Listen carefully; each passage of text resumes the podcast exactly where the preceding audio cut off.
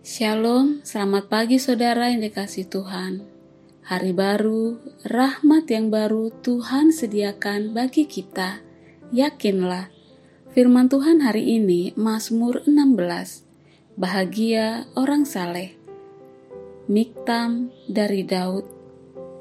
Jagalah aku ya Allah, sebab padamu aku berlindung.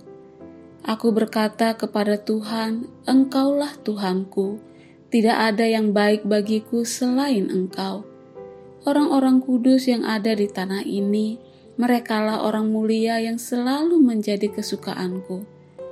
Bertambah besar kesedihan orang-orang yang mengikuti Allah lain. Aku tidak akan ikut mempersembahkan korban curahan mereka yang dari darah.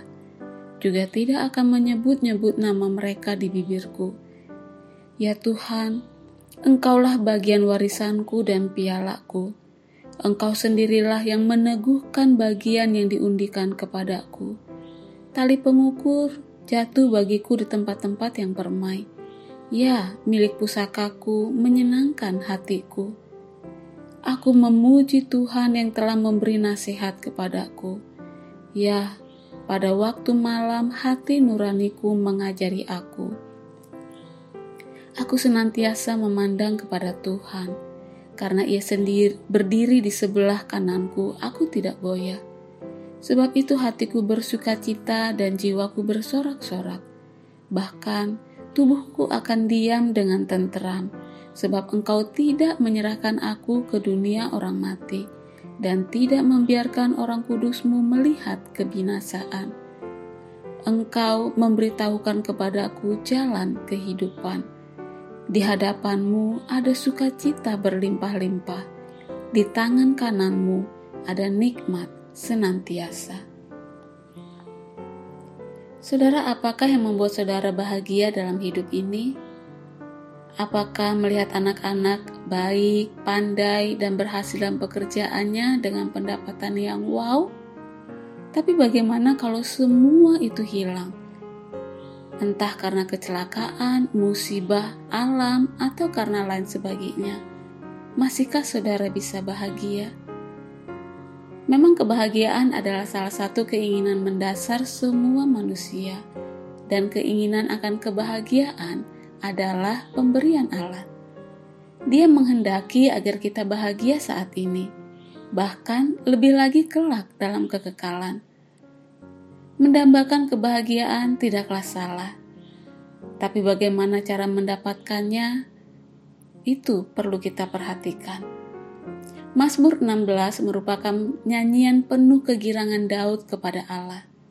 Apa saja yang membuatnya bahagia dalam Allah? Daud memulainya dengan ungkapan sukacita karena Allah ada tempat perlindungan. Selanjutnya, tidak ada yang baik bagiku selain engkau. Ia juga menyebut Allah sebagai bagian warisanku dan pialaku, makanan dan minumannya.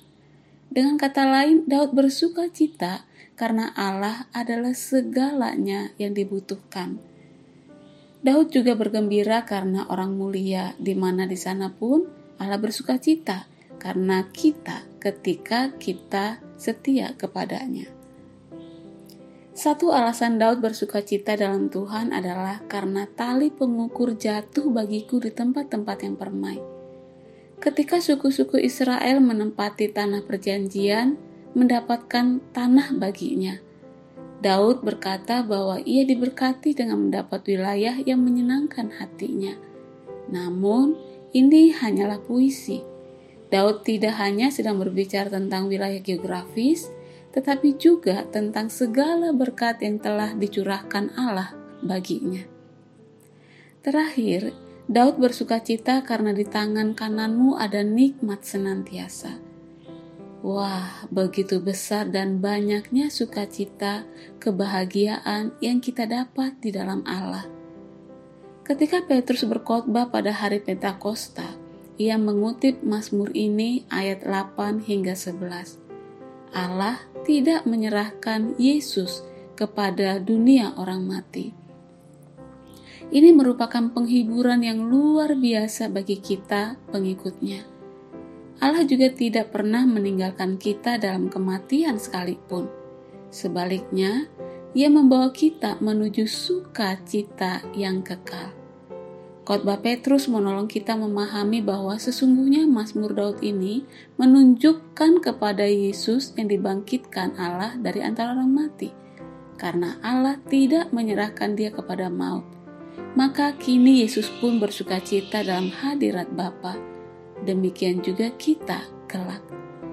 Saudara, inilah bahagia kita dalam Allah maka apa pun yang menimpamu hari-hari ini, apa pun itu, pandanglah pada Allah yang tidak pernah meninggalkan kita.